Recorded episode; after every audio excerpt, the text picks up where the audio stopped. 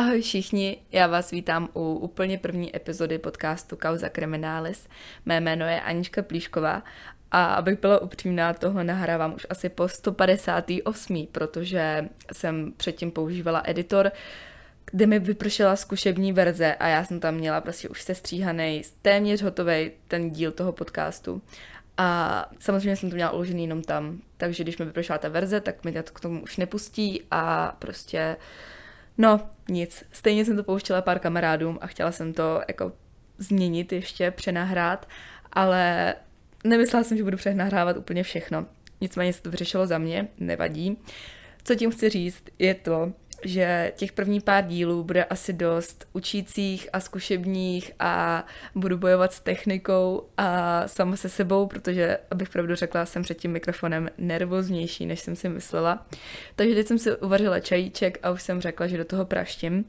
V tomhle díle se dozvíte to, proč tenhle podcast vůbec vzniká, čemu se tady budeme věnovat a potom nakonec jsem si pro vás připravila takovou uh, mini epizodu, nebo ona ve finále ani není tak malá, z místa, kde žiju, takže je pro mě dost jako blízká. A ještě bych vám chtěla říct, že v tomhle podcastu budu uvádět informace, které jsou volně dostupné na internetu. Všude, kde to půjde, tak se vám budu snažit doložit uh, zdroje a když, je nebudou, když nebudou doložený nějakým způsobem, tak budu zdůrazňovat, že je to můj názor nebo říkat, jak jsem k tomu přišla. A takže tak, všechny ty informace jsou prostě z internetu.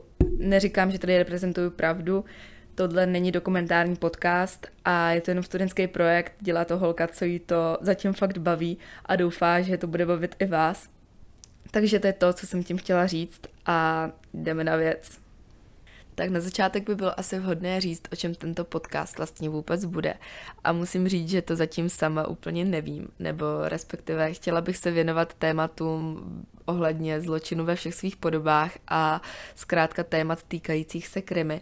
Nicméně bych to také chtěla dělat hlavně podle vás. Chtěla bych vědět, co vás zajímá a podle toho ty případy vybírat, takže mi prosím, když tak veškeré nápady, jak na zlepšení tohoto podcastu nebo na případy, kterými se mám, který bych se měla zabývat, pište buď to na e-mail nebo na Instagram, který bude v popisku této epizody. Tak další věc, kterou bych vám měla říct, je důvod vzniku tohoto podcastu.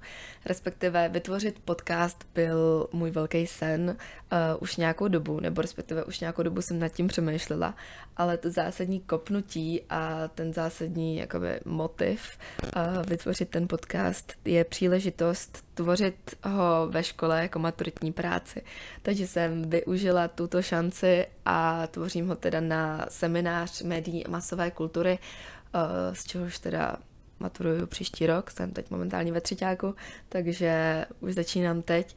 Cílem je mapovat ty dosahy a nějakým způsobem z toho prostě splácat dohromady projekt. Eh, vybrala jsem si to, protože vím, že mě to bude bavit, je to téma, který mě baví, který eh, mě nějakým způsobem, když to řeknu zvláště, naplňuje. Původně jsem si myslela, že se tomu jednou budu věnovat i profesně, ale asi jsem si uvědomila, že na to úplně nemám, protože prostě na to nemám žaludek. Ale aspoň takhle zdokumentovávat uh, tyto případy mě fakt neskutečně baví a naplňuje. Takže doufám, že vás to bude bavit aspoň z poloviny tak jako mě. Také s vámi budu sdílet nějaké moje tipy, ať už se jedná o filmy, seriály eh, nebo podcasty, které sama moc ráda poslouchám. Vlastně jsem je v posledních měsících úplně vyměnila za hudbu, kterou teď už téměř vůbec neposlouchám. A to je asi tak všechno. Pokud by vás zajímalo víc z mého osobního života, tak mě můžete sledovat na sociálních sítích a já už to nebudu zdržovat. Pokud si na něco vzpomenu během uh, točení podcastu, tak to zmíním v jednotlivých epizodách. A kdyby vás něco zajímalo, jak jsem řekla, neváhejte se zeptat a já už to nebudu zdržovat a jdeme na naší kauzičku. Jak jsem ji zmínila, mám pro vás připravený příběh, který se stal v místě, kde žiju je proto pro mě poměrně blízký a už jsem o něm nesčetněkrát mluvila s mými přáteli a rodinou. Nicméně, když jsem si ho teď takhle hodila na papír a fakt jako ty informace sehnala de facto všechny, co se dají sehnat, tak jsem zjistila, že je ve skutečnosti zajímavější, než se na první pohled zdá. Náš příběh začíná 73-letou Květoslavou Šátkovou, která žila sama v rodinném domku v Cerhenicích a zmizela v říjnu roku 2003. Byla to opravdu velmi oblíbená obyvatelka městyse, bývalá zdravotní sestřička, kterou znala téměř celá obec. Z jejího zmizení policisté brzo obvinili 39-letého Petra Zápotockého, také z Serhnic, který byl už v minulosti stíhán pro násilnou trestnou činnost a právě proto netrvalo policii dlouho se dovtípit, že by zrovna v tomto zmizení mohl mít prsty. Zmizení paní Šátkové bylo oznámeno její sousedkou, která ji už pár dní neviděla, přišlo jí to zvláštní a taky šla radši zkontrolovat. Jiné zdroje uvádějí, že zmizení nahlásila její dcera, která se jí nemohla už nějaký čas dovolat. Tak jako tak, po proskoumání domu zmizelé, který nevykazoval žádné velké známky boje, po paní Šátkové nebylo ani stopy. Jediné, co se v jejím domu našlo, byla rozbitá výplň dveří a pár kapek krve na podlaze. Ale k tomu se ještě dostaneme. Do pátrání po Květoslavě Šátkové se zapojily veškeré záchranné složky, vrtulník, policie a i veřejnost městyse Cerhenice. Paní Šátková se ale bohužel nenašla. Petr Zápotocký se dostal do hledáčku policie velmi brzy, jak už jsem řekla, vzhledem k tomu, že to byl známý recidivista, který navíc bydlel ve stejné ulici jako zmizelá žena. Petr Zápotocký se narodil v roce 1965 do opravdu velké rodiny. A když říkám velké, tak myslím opravdu velké. Na stránkách Blesku jsem našla informaci, že bydlel se svými rodiči a jedenácti sourozenci, nedaleko od zavražděné. O jeho mládí a dospívání jsem bohužel na internetu nenalezla moc informací ale vzhledem k trestným činům, ze kterých byl ještě před vraždou paní Šátkové odsouzen, můžeme, myslím, usuzovat, že nebyl úplně bezproblémové dítě. Také jsem našla citaci paní, která bydlela ve stejné ulici jako odsouzený a právě zmizela. Začátek citace. Odporné individuum. Těsně před revolucí kvůli pár korunám v bytě přepadl a svázal naši sousedku, Švadlenu, ke které jsme všichni chodili. Dostal sedm let, ale kvůli Havlově masivní amnestii se dostal na svobodu už v roce 1990. Konec citace. Jak zmiňuje sousedka, Zápotocký byl v roce 1988 odsouzen, ale jeho výkon trestu ovlivnila prezidentská amnestie. V tomto roce, tedy rok 1990, bylo z československých věznic propuštěno více jak 21 tisíc vězňů, tedy více jak dvě třetiny. Tehdy se jen těžko dalo odlišit, kdo se dopustil skutečného zločinu a kdo seděl jen proto, že se znelíbil režimu. Valtickou věznici tedy náš podezřelý opustil již po dvou letech. Znovu poté stanul před soudem již o dva roky později a byl odsouzen za přepadení starší sousedky z ulice v jejím vlastním domě. Svlékli ji, topili ve vaně a byl překvapený, když zjistil, že přežila. Za pokus o vraždu dostal od Pražského krajského soudu 12 let. Nevím jak vám, ale mně to přijde za druhý takovýhle brutální čin poměrně málo. A teď se opět dostáváme k našemu hlavnímu činu.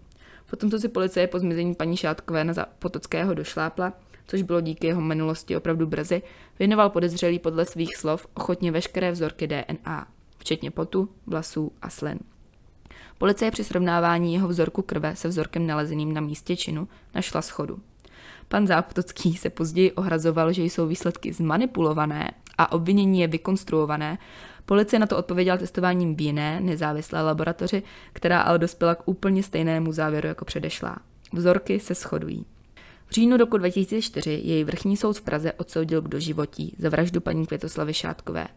Co je na tomto případě opravdu zvláštní a jedinečné, je fakt, že byl odsouzen pouze na základě nepřímých důkazů.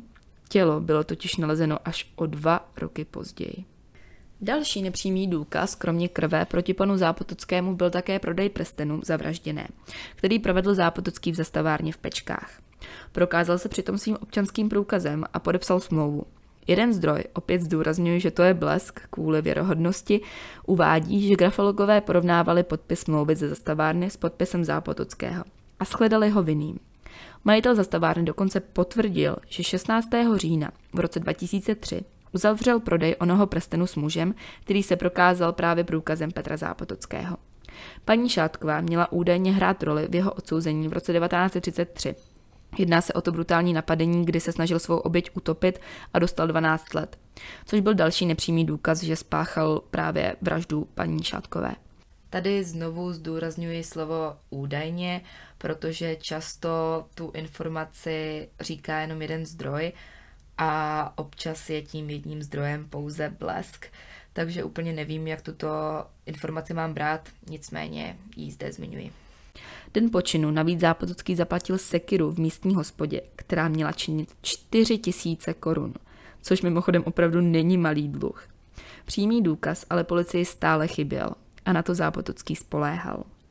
Advokátka pana Zápotockého po rozsudku řekla, budu podávat odvolání, neexistuje žádný přímý důkaz. Konec citace. Pan Zápotocký sám prohlásil, nemám problém mluvit o tom, za co mi dali do životí. Já se mohu každému podívat do očí, protože mám čisté svědomí. Konec citace. Panu Zápotockému se do vězení očividně opravdu nechtělo, protože Blesk.cz uvádí informaci, že Zápotockého od rozsudku nezachránilo ani to, že si před procesem ve vězení pořezal ruku, napadl dozorce a nakonec spolkl lžíci. Ano, slyšíte dobře, spolkl lžíci. O sebevraždu se následně Zápotocký ve vězení pokusil několikrát. Odsouzený byl o své nevině asi opravdu přesvědčený, nebo je přesvědčený, jelikož do dnešního dne si už několikrát žádal o propuštění, nebo respektive o znovu obnovení případu. A naposledy to bylo v lednu letošního, ne, v únoru letošního roku, ale bylo to opět neúspěšné. Paní soudkyně podotkla. Důvody druhé žádosti jsou stejné jako u první, což je nepřípustné. Proto byla žádost zamítnuta. Konec citace. Zápotocký si ale podal stížnost k vrchnímu soudu v Praze, který se tím teda musí zabývat. Teď se vrátíme zpět k paní Květoslavě Šátkové. Jak jsem již dříve zmínila, tělo zavražděné se našlo až dva roky po odsouzení pana Zápotockého. Tělo se našlo na černé skládce na kraji městysu Cerhenice. Ostatky byly ve velmi pokročilém stádiu rozpadu, ale i přesto se policii podařilo tělo identifikovat. Co se ale kvůli stavu těla zjistit nepodařilo, byla příčina smrti. Při pitvě doktoři nebyli stoprocentně schopni říct, zda se jednalo o uškrcení či o něco jiného. Zápotocký toho opět využil a snažil se bránit, že paní Šátkovou přece zabít nemohl. Vždyť její tělo našli, když už dávno seděl ve vězení. To samozřejmě ale neznamená, že to udělat nemohl, jelikož tělo, jak jsem řekla, bylo ve značném stádiu rozkladu. Tak a nyní se dostáváme k psychologickému profilu vraha. Psychiatři Zápotockého označili za osobu s nelečitelnou vadou osobnosti, přesněji smíšenou poruchou osobnosti. Ale také tvrdí, že si svých činů byl odsouzený plně vědom a jeho všechny zločiny byly motivovány hlavně finančním ziskem. Já si ale myslím, že zde byl i nějaký motiv sexuální, protože vlastně jeho druhou oběť slékl, brutálně ji zbyl, topil ji a nemyslím si, že by to dělal jen za finančním ziskem, protože toto nemá s finančním ziskem absolutně nic společného. Na místě, kde bylo tělo Květoslavy Šátkové nalezeno, nechalo městy z Cerhenice vybudovat uh, park, který pojmenoval na její počest, tedy park Květoslavy Šátkové. Dnes tam stojí hřiště, kterému místní cerheňáci neřeknou jinak než keltské hřiště a lidé z okolí ho znají převážně kvůli bludišti a dvou rozhlednám, které tam stojí. Celá rekonstrukce skládky vyšla městy z Cerhenice na 25 milionů korun a po šesti letech to bylo završeno pětní akcí, na které se sešlo přes 100 cerhenických obyvatel. Mluvil na ní místní farář i starosta městyse. Byl zde postaven na tomto místě při této příležitosti také křížek, který údajně měla navrhnout sama dcera zavražděné. Ale abych pravdu řekla, když jsem tam byla naposledy, tak jsem tam křížek nenašla. Může to být tím, že tam byla nedávno postavená školka a celé se to tam trošku změnilo, a nebo jsem se také jen špatně dívala a křížek tam pořád někde je, jen jsem ho prostě nenašla. Tak to by bylo pro dnešek všechno. Já doufám, že se vám epizoda aspoň trochu líbila. Vím, nebylo to perfektní a mám ještě spoustu věcí, na kterých musím prostě zamakat.